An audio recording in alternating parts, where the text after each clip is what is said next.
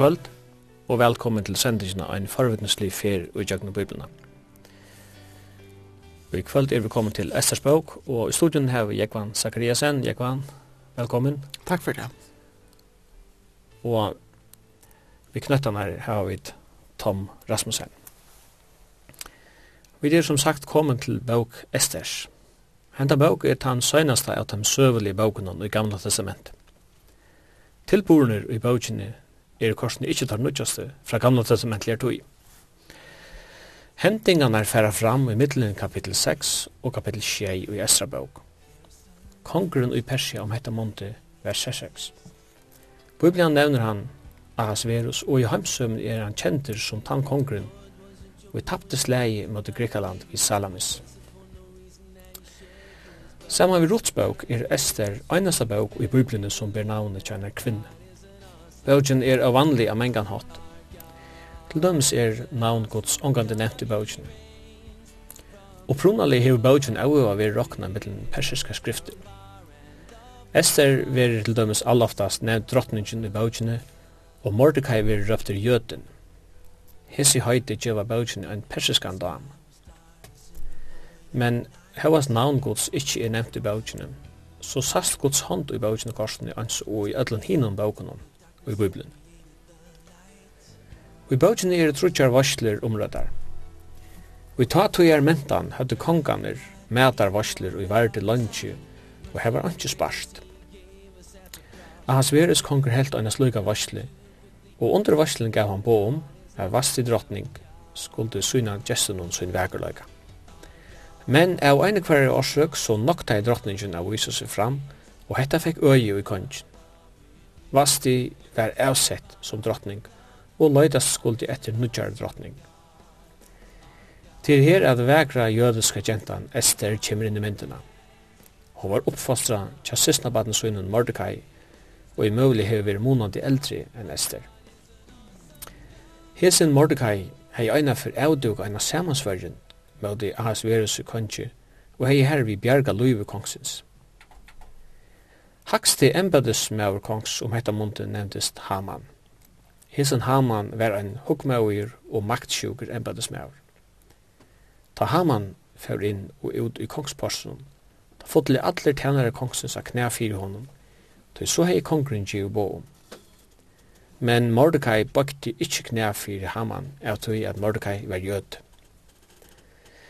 av hesi orsøk setti Haman seg fyrir at tøyna allar jøtar i rujtju av Hasverusar kongs, og han fekk kongsens valsignelse til a fremja heita. Mordecai byr Ester om at tala søk jøtana tja kongenun, og han ala henne ikkje a sia nøkron at hon var jøtisk.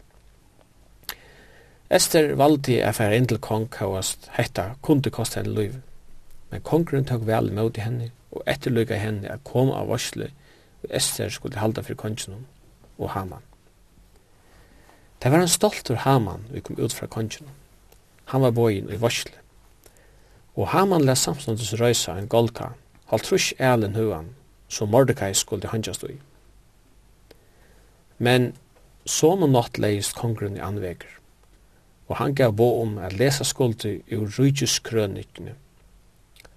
Her var lise hvordan Mordecai hei bjerga Louis kongsins ta samansværing var framt. Ta Haman sætning kom inn til kong, gav han Haman bo om a vysa jødanon, a vysa jødanon Mordecai høyir, og køyra jøknen gøtur bujarins og kongsins vokni, og høyra Mordecai. Hetta måtti jo en sorgarbondan Haman etterløyga. Sætne kom kongren og Haman i varsle tja Ester drottning. Det var under hese varsli at Esther bæ fyrir luive sønnen og luive landsmanna sønna. Hon avduga i svigara Hamans, og nu kom æsli fram at drottningin var jødisk. Kongren var røyir og let Haman hundja i Golgan og i hanne i atla Mordecai. Mordecai hinvegin kom nu til høyir, og kongren gav honom innsiklis, innsiklis ringsøyn, og hus Hamans gjørs ogn Mordecais. Ester bæ fyrir falskjøsøynum, og kongren etterløyga i henne. Bågi om jødatøyningsna var atter tidsi. Til þess er minnast tilboren, halda jødaner purum høgtina, og enn og i det vil henda inn hilden mittel jødaner. Ester bøk endar vi a lusa Mordecai, han gjørdes naste med av kongs, og Mordecai virka i falskjøsøynum til bæta, og at søyne til besta. Og jeg var Esters bøk til en Kjolson bøk. Ja. Lukka som en Kjolson, så er det nesten framurskærand. Hetta er den eneste bogen som virkelig gjør okkom eh, upplysningar om hvordan stod til til Ushasfaltje eh, og i utleggning i Persia. Vi vet at Babylon tok Ta sunnar rujtje og i utleggt i 506 for 4 krist. Og ta med det perska rujtje kom så atanna ta babylonska. Og henda bort lærer kun hvordan det levde, hvordan stod til seg de folkene som avgjørte ikke for heimater, vi første fer, første ferien i heimater som var leit under Sirubabel. Og som du sier, så genga hendingarna, eller henda hendingene her i middelen kapitel 6 og kapitel 6, som eisen er det samme som det som hender i middelen fyrre heimferien av kjørsjørsfalskje under Srubobel, og er det ferien heim, som var leit av Esra. Så at det lærer ikke nekv om det. Og som vi da avra har sagt, så Jinkum leit trus år og i middelen kapitel 6 og skje i Esra. Men Esra bok, eller Esters bok, er eh, eller fer fram i vårt høyerskapet omlai 20 år. Fra omlai år 434 til år 473 fyrir krist. Og lukka fra fyrsta verset i fyrsta kapitli er vi interesseret til eh, ein av høyspersonen i bókene som er sjående Ahasverus, kongur, Og i gresk litteraturen var det så kallet for Xerxes, den første. Og han rådde seg han det i vidt persiska rykene, som var veldet, heimsvelde, som uh, sektes lykka fra Indien, lykka sur til Etiopien og i Afrika. Og vi leser her i, i første verset at han rådde i over tjove landspersten, så han var en, en veldig maver. Um, da jeg leser Esters bok vanlig, så bøy den opp i fyra parster. Og den første parsten pleier jeg kalla for Ester i kjørstrottning, i sted av versti, kapittel 1-2. Så gjerne for det andre, Haman atler at utrydda jødene, kapittel 3 og 4. For det tredje, Haman vil eimjuktur og hongtur, og i sine egne golkar, kapittel 5 til 6 og så gjerne for det fjorda. Jødene vil være bjergeier og heireier. Og til kapitel 8 til 20. Men eh, et som er avhåverst i hebraiskon litteratur, det er som er kallar for kiistiske strukturer. Og det ser ut som et ves som er lagt av lina.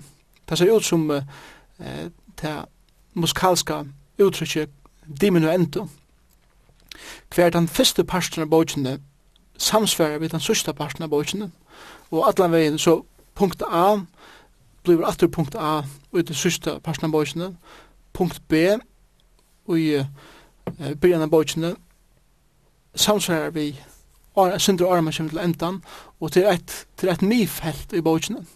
Og til har vi i satta kapittel vers 1 i Esers bok, hver en av nottena ligger kongren vi anvegr, hendingarna i hese søvne, eller i hese bøkene, brøyte ut fra til versen. Vi byrja vi ingen jo bakgrunn på Ahasverus kong. Så gjerne djevur Ahasverus bo om at jødene skulle være utryddeir i kapittel 2 til 3.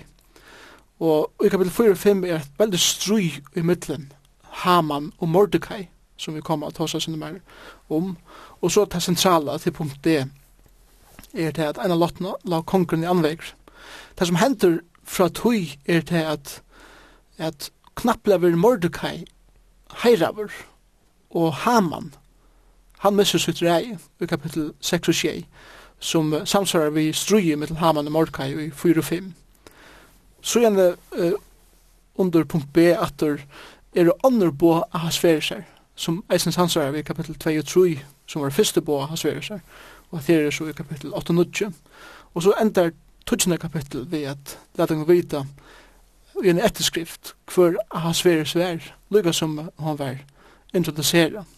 Så hans nere som hefur skriva bøkina, vi vet ikke hvor skrivaren vær. Men han har haft somleis, eller samtidig som han eh, var inspirerad av hele andre gods å skriva år gods, så har han eisne en veldig, en veldig kunnskap til litteratur at du har skriva, og det er sånn vi ut i hatt han er oppbyggt bøkene.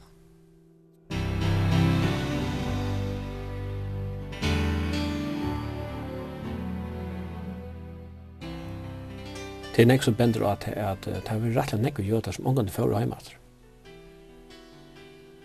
Og i, helt ståren talen, ja. Kanskje var det den lytle personen som får hjemme at den utleggende. Mm at, at endbyggja land. Men de fleste valgte bare at at var verande. Jeg tog at jeg var eisende bare ånder og tre generasjon som ikke beinleis tilknytte høtte til Jerusalem og sitt heimland.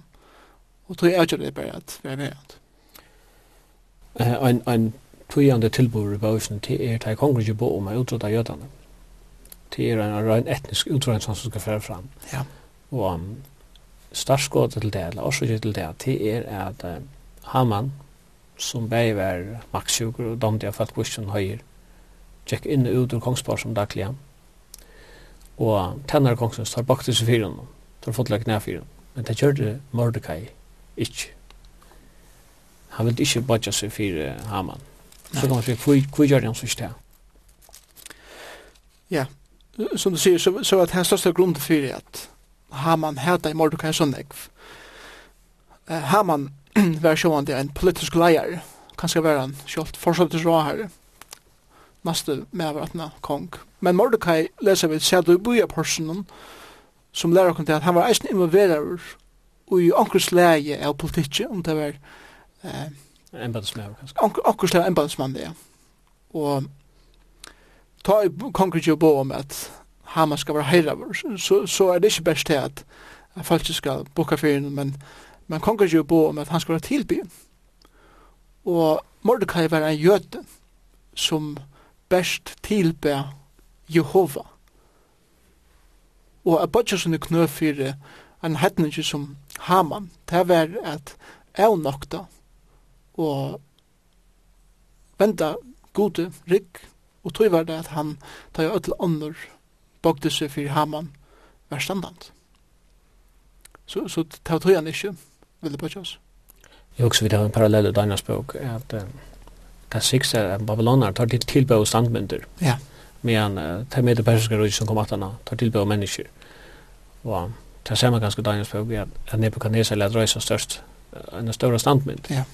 Men så ta og i uh, rydde fettler, det Babylonsk og det med det persiske digger vi, så er det at Daniel heldur fram att bia vendur mot Jerusalem. Självt om båda kyrkor utan man skulle bara bli helt konje själva. Akkurat.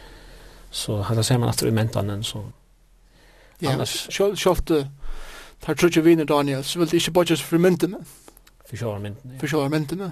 og och Daniel vill det inte gevas det bia till sin god. Og her sørger vi det samme her til Mordecai. Så alle disse her har haft det til felags. At lykka mykje kan det fyrir kosta okkur så får vi ikke bodja okkom fyrir kvarsi menneskjon eller sandmynden, men best fyrir gode sjolven, koma uh, mat her som koma vil, oss. Man kan si at tilbjørn har skrevet noe til. Ja. Og om det så er en mynd, en standmynd, eller til en menneske, så er vi bare for fortellen om en skapning, eller noe som er skapt. Ja. Og som ikke er rett til tilbjørn. Annars halte jeg det sender at Abraham bøkte seg for ditton, Men det er neva vi tilbyan, det har vi abus er.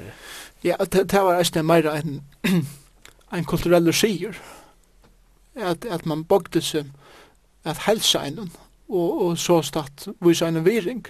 Nå, vi er at vise menneskjen viring. til å lære bøypen ekla greit. Men vi må ikke gjøre mon av at vise viring og så til det at tilby. Mm -hmm. Nekra. Men uh, han bakte så, så ikke fire Haman. Nei. Og Haman uh, leser så ikke nøye ved at Gengu Diver uh, Mordecai, han gav på om en, en regulera uh, utrensing, en etnisk utrensing av alle jøden og fikk kongen, eller fikk kongens valsignes.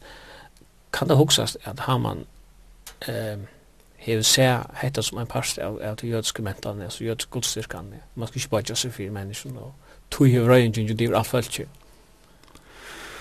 Ja, altså, jeg er ikke så i. men jeg tror at det som det gruntar ui er til at Haman var en ekvile sjålsøkjen mever som ville skapa sin egne dord og ville heva at han heier som, som han, som han og sin egoisme ville heva og da han ikke fært her fra ötlun så, så kommer han slukt hæter opp på innom som gjør det her at det ikke bærs gonger i vår ein mann men iver öll teg som hessum er representerar. Og det finnes sånne grund ui antisemitisme som beinleis er fra Satan sjálfun. Og, og Haman var ein av ambon Satans her eh, ui hessnir. Og det er kanskje andre bok i Bibelen her antisemitisme kommer så nekk i fokus som eh, just i Esters bøk.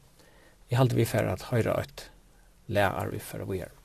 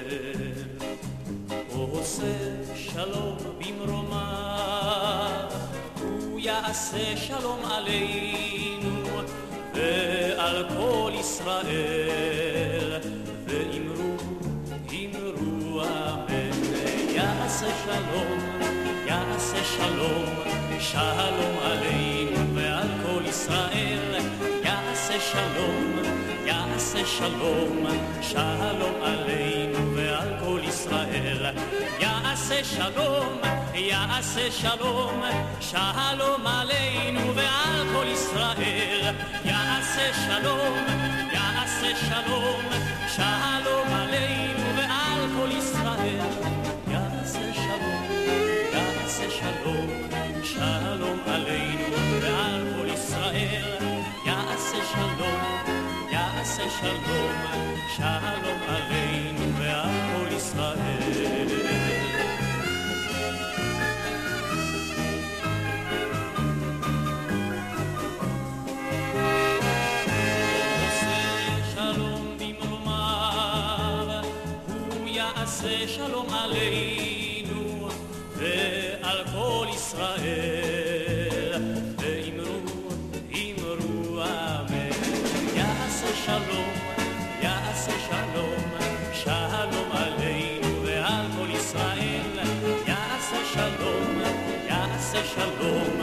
שלום עלינו ועל כל ישראל.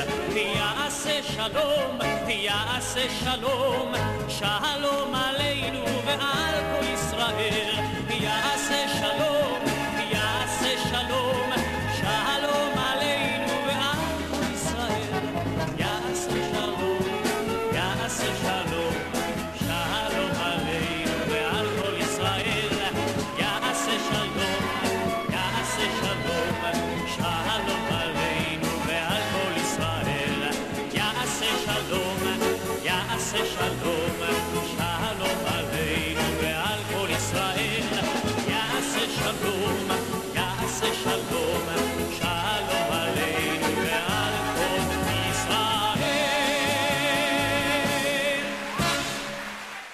Vi er etter her i studien og vi tåsa om Esters bøk.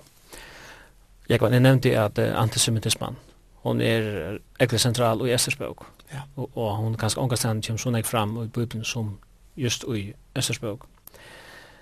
Uh, Haman, han kan minne noen synder om, om nazistanar. Er det noe, er det noe vi kunne lære fra Estersbøk? Jeg, jeg tror at et av endamalen vi Essers bok er at avvera jøtar om antisemitisme. Og det som Essers bok lærer okkom i det, uh, vi vujande antisemitisme er det at antisemitisme, det er gjørneren gjøta hætur, er et beinleis alop av god sjolvan. Og det byrjar sjåan lengt åren eh, vi kommer til Esters bok det byrjar fra byrjan i Bibelen det byrjar atna syndafallet og kanskje sjålt åren til at det er satanfall. Men at det skal være fudgenskaper i middelen så kvinnenar og ormen og tann fudgenskaper som er her eh, analyserer av, av god sjolvum er som en reie traver i kjøkken alle skriftene. Hesten bardein, det heter som Satan hever mot gode, som Satan hever mot Guds falskje. Og i kjøkken tøyner hever Satan utvassar noen folk til at utinna het her som han innskjer at, at utroda Guds utvalda folk. Og da vi kommer til Abraham så i, i Fyrste Mosebog, vi kommer til 12. kapittel, ta i god og i nøye syne. Utvillar Abraham at vera, at la gjeras til folk som skal eh, vera anboi hver god, som han sier, fører sinne atlaner ut i kjøkkenen. Han sier god vi Abraham at gjer til størst folk, og så signa teg, eller signa teg og gjer navn til størst, og det skal være til signing. Det skal signa teg og signa teg, og tann ut her bannar, honom skal e banna. Og tar vi tekje oppsøkken søvna, og vi kommer nu til Haman, han var en antisemitist, han var bannar av gode, han lät loiv. Eh, vi kommer langkur ut etter i søv Israels, vi kommer til Herodes, den stora som rønte at utrota eh, bøtnene, i Bethlehem, og åren til eisen Antiochus, den fjore, og i tøyene som er i middelen, gamla som er nødvendig. Makabera tøyen. Ja, Makabera tøyen, og han er eisen kallet for Epiphanes. Han uh, utrydda i tempeldyskanene, og han rønte at utrydda jøtene og, og jøtene skriftene, men han ble eisen sjolver utrydda over. Herodes den store, han lade eisen lov, og oppsøkken søvner, da vi kommer til uh, uh, eh, Spanien og Mjøld, vi kommer opp til okkara tog, og, og kanskje Aren til, men i okkara tog Hitler, og så var at de som har vent seg mot Guds falske, har god sett sin finger av, og har bannet dem. Og hette for eisen hendte i framtiden. Hinn andre røyner er ut av Guds folk, og han brukar mennesker til det, men det fer ikke at etnast. Det er god til å sagt, jeg skal signa til, jeg skal gjøre til sikning, og i jøkken satut skulle alle hensins tjove være sikninger. Det er ønsken, og det er ønsken som kan bråta til atlan gods, selv om satan røyner, og bruka menneske til det. Så båskapen som, vi, som Esters bok lærer oss, og som vi lærer fra Haman, er han at antisemitismen, jøteheter, er eit alop, ikkje best av Guds folk, men til alop av Guds sjolvan. Og til avhåverst er at, at kona, kona Haman, hon er til legin av plass. Til hon sier vi han, er han til Mordecai, er jødskar at, som tar spyrir av fatla fyra, så er, nu, så er til nu ikkje mentur mot honom, men du kommer av fatla heilt fyrir honom. Og hon sa det sjálf. Hon viskar det dreier seg om. Hon viskar det dreier seg om at hvis du først må gode, så er ikke sitt her at gjøre enn at falle. Det ser ut som at det som er utvalgt er gode. Det blir også et uh, allopsmal ja. for det er destruktive, det er negative kreftene. Men hvis vi ikke at jødiske følelsene, så stendet det ene stedet. God sier, jeg valgte utvalgte tikkene. Ikke, ikke til det var bedre enn det grann. Nei, slett ikke. Og folk og Eh, det är ofta här det är så torrt för att skilja Guds utväljning. Så hver har vi och det från förringar. Ja. Hva sier du til en sånn spørning? Ja, det her var ikke fram føringar. Men samtidig så var det her folk som god utvalgte Han kunne jo akkurat samme ha valgt noen annan. Og det her så var oppsøkningsøvna god utvalgte folk. Samtidig som god har utvalgt seg folk er at føra frelsen i jøkkenen som var Jesus Kristus, som var jøte, så er Israels folk i det under tikt gods, og, og de er i det utanfri atlan gods, kan man godt sige. De er sett til suyes ved en atui. Hver sikningen som Israels folk eier få, nu kommer til hedningene, kommer til okken, tjøkken Kristus. Men uh, ein dag så for god er at teka sitt arbeid vi Israels folk opp i framtiden. Så i det eh, er jøtaner på en måte kan man godt si imot det gode, er at jeg vrega av Kristus, som vær den største oppenbering gods. Og tess vegna er det her eh, eisne eh, under tiktar han gods i det.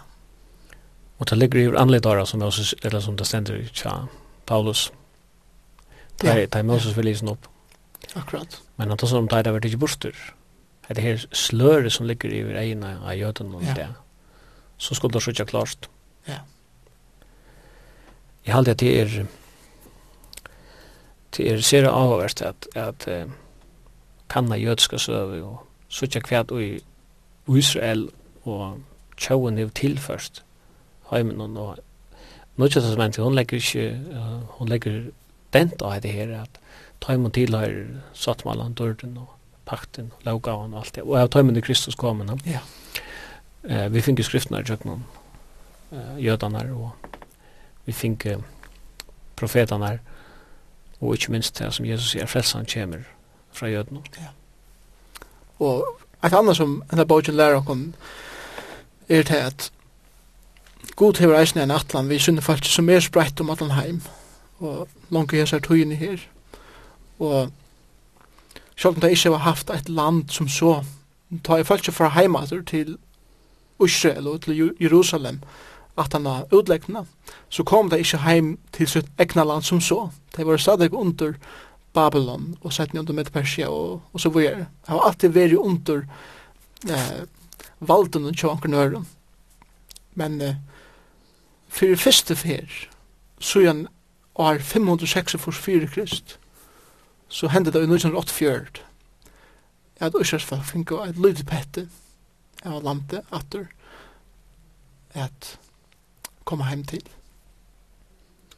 Og man kan si at det som hendt så igjen i Israel, det er ha profetisk. Helt sikkert, ja. Og, og Øsjersfall og det er streimar heim. Sjåfn der er spreiter om atlan heimen i det, og til meira jødar i New York sjolvun enn det er i Israel. Så er det en av de største dreimen kjønne gjøte er enn det kom heim. Og vi vet at begge professorer fra Russland og eh, første klasse tonløsarmenn og eller hva det så er, færre heim fra sin veldig arbeid heim til Israel at feia veier og så videre. Og det er nekka særlig som gjør det. Einig for føringer, kjem ikke heim til førjer, vitende at de får ikke nekka arbeid. Men Israelsmenn færre heim, sier sin veldig starv opp og, og heim til at de vil bli heim folk har ofta antan fyrsillingar at uh, er det er gods utvalda folk så skal det oppføre seg som englar. ja. Jeg, jeg hadde at, at vi minnes litt at god arbeider vi er ofullkomnen anbån og han utvelder seg ikke folk etter tog at det er perfekt men han utvelder seg folk tog at han ikke bruker det som det er og Jeg tror ikke at Gud krever det at vi skulle være enklere, men han krever det at vi skal gjøre det arbeid som han har lagt å gjøre.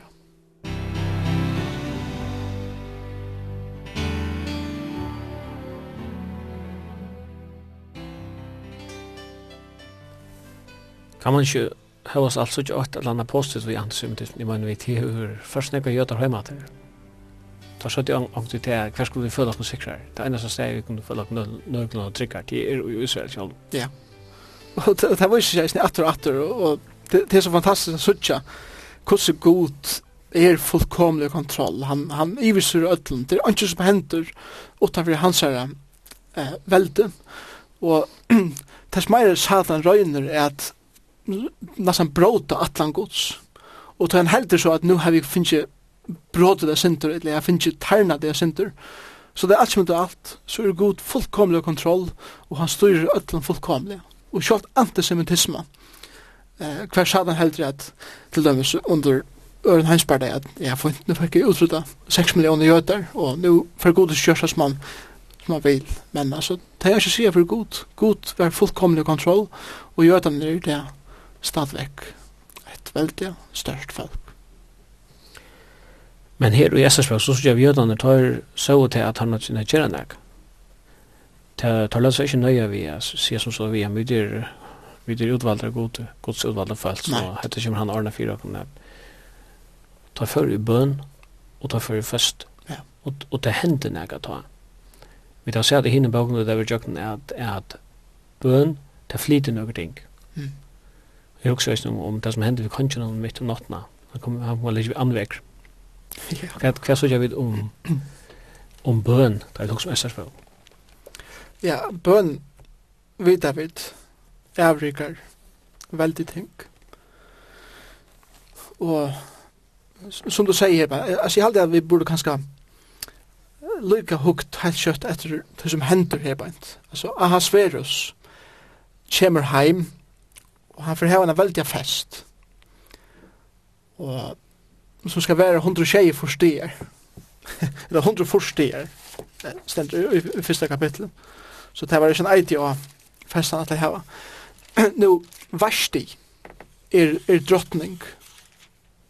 Och han kräver nu till han er blevet fotler. Och, i fellesskapet kräver han att Vashti ska komma ut att visa visa sjåa fyra embandsmannen och så vidare. Nu Vashti eh, var en veldig kvinna, faktisk. Hon var en veldig viljesers kvinna. Og hon var en kvinna som nekker menn ikke dama. Eller hon var en typ av en kvinna som nekker menn ikke dama. Men hon var en kvinna som ikke let mannen kjøsar bare for visse som han, som han ville. Det tar ikke hatten av fyrir. Tøy er det som Ahasverus sier hun skulle gjøre var simpelthen at komme ut og dansa et striptease for jokken og hon skulle vise seg fullkomne nakna fyrir sin embetsmannen. Og det fann hon seg ikke i. Og det kostet henne eh, til at hon slapp ikke være drottning langer. Så, så god iverstyrer her eisende eh, en mann og en kvinne nere hjørne. Og samtidig som det her hender, så er det ung kvinna ved en øren eh, parste av, av landen som ikke vet av nøkron. Men, men kongen vil ha en ære kvinne som drottning, og tog vil uh, være en medver sender at finne en nødja drottning. Og han ser Esther. Esther har vakna opp en morgen og tur en vanlig dag for henne. Ikke det at hun får være kattet til kongsborgsene. Men lukka mykje, hun kjærs drottning i, i verste sted. Og hun er en jøte men det var i kongen ikke av enn at hun er. Haman, vidar vet, han er en, en jødehedare, han er en kjolsøkjen, kjolrattvise mever, og han er en veldig rar her i kongen. Mordecai vil ikke bodge henne knøfyr noen, Mordecai var han som hei oppalt Esther. Nå, eh, Haman heldur at alt gongur gott nu, han, han slipper utrota Mordecai, han slipper utrota jødanar, og Esther fyrir til å vite, og Mordecai sier henne fra du, og, og Esther, Esther fyrir å vite fra Mordecai at God hefur sett deg her som du erst nu. Og du skal gjøre nega nu. God hefur sett deg her til at bjerg og jötun fra hessen boven som gudgen ut fra kanskje. Esther vet ikke hva skal gjøre, men hon finner på at bjóa Haman og kanskje til eh, en fest. Haman forklarer stedater, og kongen fyrir sång, men her er anvegur. Mm -hmm. og nu kommer vi til, til det. Samtidig som alt det hender, er det jødene i bøn.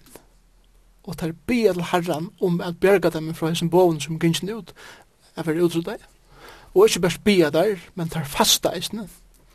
Det er det samme som at tar seta til tøyen er som det er brukt annars til å eta. Og ein målt i jødiske kultur var ikke bare lega fast food, som vi tar her i Vestheimene, men det var, uh, det var en stor prosess. Det tog inn å bruke det til bøn. Og det avvirsker jeg. Jeg knappelig en av nottene, nu for kongren anvekker. Han sånner ikke. Og han byr noen menn kommer at lesa eh, sovebøkner og i perska perskarusen fyrir seg og tar slå også opp, og her kommer det å lese om Mordecai, som ene fyr som han sier til bojerparsten, hei, hei iverhorst, at det var tvær menn som atlev at drepa kongen, og kongen fyrir til å vite, og han vil bjerga, og så Mordecai uh, bjerga løyden til kongen. Og så spyr han om, uh, om uh, hese mævne vi heidare fyrt, og han fyrir vite at han er ikke. Og som uh, kongen her vil oppgrann av vatten og horstet her, lyser fyrir seg, nu kommer Haman tull i morgenen, at uh, leggja sine planer vi kongen om man utrota samtidig som folk byr og og så hender det som hender og det kunne så komme atter en av settene men bøn var det som gjør det alt det her for gong den er veldig prosessen.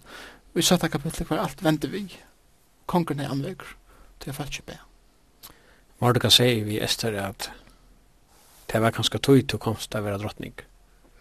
Tøy at du kunne tala okra sak Ja. Men det var ikke vandalest for en kongen. Hvis man fører her uten å være båsender, så risikerer man at lette lov. Helt sikkert, ja. Og han er ikke på etter enn i flere måneder. Nei, det er akkurat det. Og hun sier, så vi, vi Mordecai, i fjore kapitlet, at uh, hun sier vi, fer og kallar sema alla jötarna som er i Susa, og halv fastu fyrir møyla skuld, og i trus handøver, nått og det, mot i kvarsi leska vottla torst. Jeg og hinner unge gentemøyner skulle eisen halda først og samme hot. Og så skal jeg færre inn fyrir kong. To at jeg er imot loven, mot persiskar lov. Skal jeg så færrast, så let meg færrast. Så, om kjapt drottningen skulle komme inn fyrir kong, så måtte hun be om løyve. Hun kunne ikke bare færre inn til kongen, akkar som antje og kongen har en stav i hånd. Og hvis disse staven ikke var rester mot, mot det som kom inn, så var vi kommet til deg dømt. Og Esther visste det. Og hun sette lov til seg selv om i voa her, for jeg bjerga sine folk. Og hun fyrir inn ved kongen, og hun finner nøy. Som vi kanskje eisen trygg vi er en et beinnes urslid av bønnen som falt ikke ber. Så gav god Og han sverer så kanskje nøye til å vise drottningene nøye. Man ser så at han ser med konkret som gav bo om at jødene skulle rønsast ut, altså en etnisk utrønsast skulle fære fram i ødler rujtjen. Ja. Han ser med konkret, han uh, blottnar, han ser så jødiske jentene kom inn. Ja, men han visste enda ikke at han var jødisk. Så, så at det her synes vi god er han som styrer ødlen. Og ikke for settende for han så vidt at at hon er jødes, men som du sier, han blottna i fyrir, så kvinnene som kom inn, kona sin. Og hun taler jødene seg. Ja. At han minner meg alt om det som er, som vi var inne på vei i Esra og Nehemias, er at uh, vi sier ikke kongene så større kongene ta da jødene var utleggt, er at uh, tar er stunden her og stunden så er det akkurat øvet. Ja. Det minner meg det minner meg året tøysene at, at Gjørste Kongsens, det er som løtjer. Herren venter du. Helt sikkert, ja. Og, og vi leser det her fra Daniels bok at, at det er ikke konger, det er ikke konger rydtje, det er ikke vald som kommer til vald og sånn at god løyve du. Og det er det er satt av hesen døven, og det er satt av okkara døven eisne. Det er ikke ein som kommer til vald, og det er god til han som setter han inn, eller han inn. Og god styrer den akkurat som han vil. Ta alt kemur til alt, så er det god og atter god og ønsken andre er god som ræver öllum. Det er ganske høskande, jeg vil høre en utsvenskan sang nå.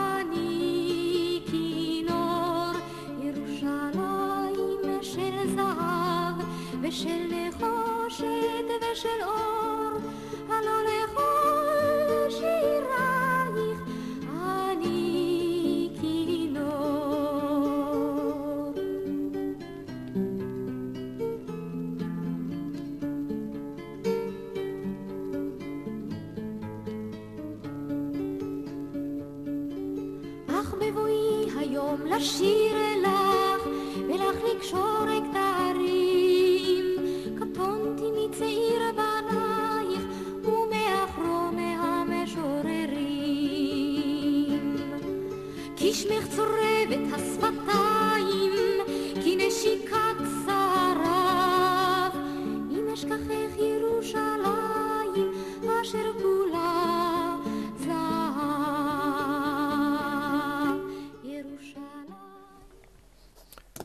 Vi er etter her i studien og tåsa om Esters Estersbøk. Jeg kan ikke som vi var inne på, Jan, til til at navnet god eh, Jave, eller Jehova, ja. han er omgant nevnt i Sørbøkken. Det er så eneste bøk i Bibelen. Her navnet god ikke fyr. Jeg vet ikke om du gjør sånne tankar om det. Ja, altså det er eneste bøkken av Øtteltheimen 36 bøkken Bibelen, hver navnet Jehova, ikke nevnt. Samtidig så ikke er god så utrolig stor i disse Jøsebogjen. Og til akkurat som god sier eh, vi okken i, i Esters Estersbog at at de pjør ikke han mot navn nevnt hver jeg fyr. Jeg pjør ikke kom at sier vi til kom her, her er jeg. Så jeg er jeg. Og hette er en veldig trøst for det for mitt andal av løyve eisne, at og i munnen trovar løyve, tørvar mer ikkje alltid til at god chimmer og i okkar veldig åpenbering og sier, jeg kvann, hygg, jeg er her, men heldig til at god er her. og i öllun hendingun som hendur jokken allan dagen, ta i god og i mun løyve og kanskje vi først virkar fjærer, og så tar jeg settene at du hittir atter etter, så må jeg si om sjål at han var atter tøyne her, han vær bænt her, vi må atter tøyne. Og til det som hender i Esers bok, er fra byrjan til enda, er det god som ivestyrer ötlum. Ahasverus konge stort han fullkomlig. Han gjør det så at i sted vasti kom Esther inn, en jødisk ung kvinna, tog at han yngste bruk, bruka henne søvliga av tog stenen her som hun var. Haman, som helt at han er i kontroll av sin egna løyve, eh, bygde en eller golgar eh, til at hundja Mordecai og, og kanskje er jødar eisne. Og, og vi enda i jane vi at at tullja henda morgunen så kommer Haman inn og han er spenter av planleggen og alt som skal gjerast og kongren sier vi, vi Haman at hva skal det gjøre vi til mannen som er for at heira og Haman og sinne kjølsøkene hoksa beina vi, åh, kongren for at heira med og han sier alt det beste han skal køyre i våknen til kongen så vi er og så sier kongren hva skal det gjøre vi Mordecai? Og, og, og det som er, det som jeg kan hoksa meg er hent i Haman. Mordecai skal ikke at hevet han som er hette mest? Og, og ta allt börjar väntast och Haman kommer så in den ära fest som Esther har bjóa eh, Konti og Haman til. Esther var akkurat kan det gjør og ta er det Esther sier at det er en som at det er utrota med og mot folk og konger gjør seg i øyen at han ikke at det er drepa kona seg og det er folk som hon er av Og han spyr hver ned, og ta, de tru sider ved det bor, og ta peikar hon av Haman. Og Haman gjerst eh, Sjón Rastli, kongen i øyene, og det som hender er til at Haman vil hongtur i sin egen golkar. God er eisne fullkomlig i kontroll av det. Og som gjør det til at Mordecai fekk arbeid Hamans. Han blei han som gjør det forslaget så her, hakste med over at han kong. Og og en annan skriver ut som sier at at jødene skulle ikke drepast, de skulle ikke utrydast. Og det var bjerger, og, og her, er det herfra er det sånn det purim som høgtigen som vil eh, introducera, og hon er vil hilden hverst år, så er han det, og han vil hilden enda det er i det. God, ivestyrer ødlen her, God er fullkomna kontroll. Og til anki som hender utanfor han, eh, hans er vilje. Han er anka til himmelen og klarar seg nakkan og sier, hva skal nu gjøre vi til Haman? Nu, så han utlever i kontroll. Men god trever. Og mer personlig tørvar ikke at sutja til at navnet Javi nevnt i bøkene. Det er alle sannar, og det er eh, fire vidan gods som sutja her bænt. Og, men det er også vel at det enske året Providence, og som kommer fra latune sjående, pro aren video, at suttje at god ser framman undan alt som hender. Han er avhaldande og han er sikrande til arbeids, alla tøyina. Han er angande ein løta eh, ui heimsøvene, eller hver er som er utanfor hans herra vald og hans herra eh, makt. Angande han ser alt framan undan, han styrir öllum framan undan, og til ønske som hendur i min løyve, eller i løyven til nøkron som lustar i kvöld, som er utanfyrre Guds vald. Eisen til ringas fyrir nøkra løyv, hever god fullkomme vald av. Og det er han goderen som er innskjett henne, til at han er han som er i kontroll, og ønsken andre.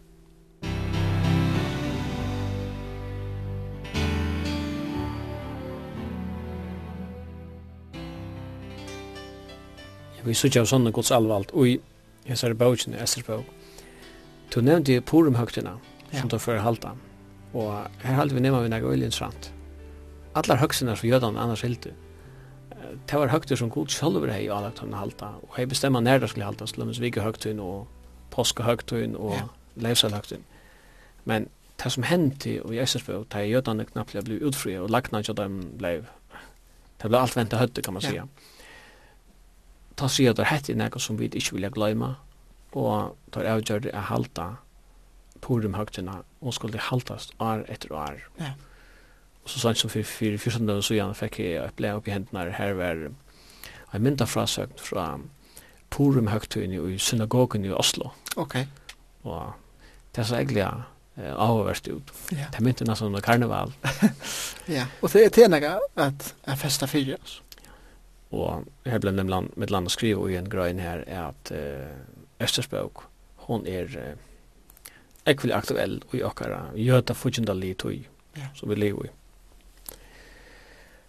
Jeg, kan, jeg kunne huske meg at uh, spørst en, en uh, rettelig togende spørning som vi har nå med vi hver har vi da vi er inne på en der bøk og bøkken til er her hver så vi Kristus. Ja. Jeg nevnte vi det at, at nei, hun er god, han kan bli nevnt i, i SS-bøk hvordan finner vi så Kristus i seg berg? Ja.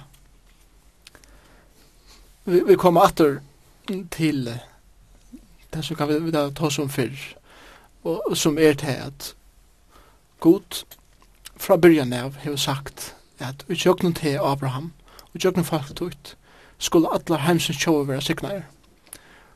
Da vi kommer til Essers bok, stender hetta falskje i løvsfanta, for jeg var utrota, utrota, god er fullkomlig kontroll, og at som gjør til at folk ikke iverlever, så at tansikningen, det sa jeg som skulle komme i kjøkken Abraham, kunne en dag komme, og det sa som kjøkken var Kristus, som var frelsere heimsins. Så her, her sitter vi kjøkken det i det store mynden av Kristus. Men jeg tror ikke at, at Esther er en underfot mynd av Kristus, Ester, sjåan det er en nek minne hatt, setter så et egnet løy vi våa, fyrir er bjerga sinne falsk. Kristus gav sitt løy fyrir at bjerga sinne falsk. Og så her er det en mynd. Navnet Ester, ja, av persiskon mersker stjøtna. Og Peter tåsar om morgenstjøtna, da han skal åpenberast, som er Kristus, da han skal komme atter. Så det det er, alt det er, er myndir, eller er eh, av, av Kristus av mengan hatt. Så Kristus er i business av frelse enn i det. Og han gav sitt liv for ene kvann som lustar i kvöld, og til det som vil innskje Jesus hending kan få fram, at han gav sitt liv for TV. Og ved at trykva han, så kan du komme inn i et dagligt samfunnet vi Jesus Kristus, vi god sjolvan, som vi da ser i Esters bok. Så her sykja vi Kristus.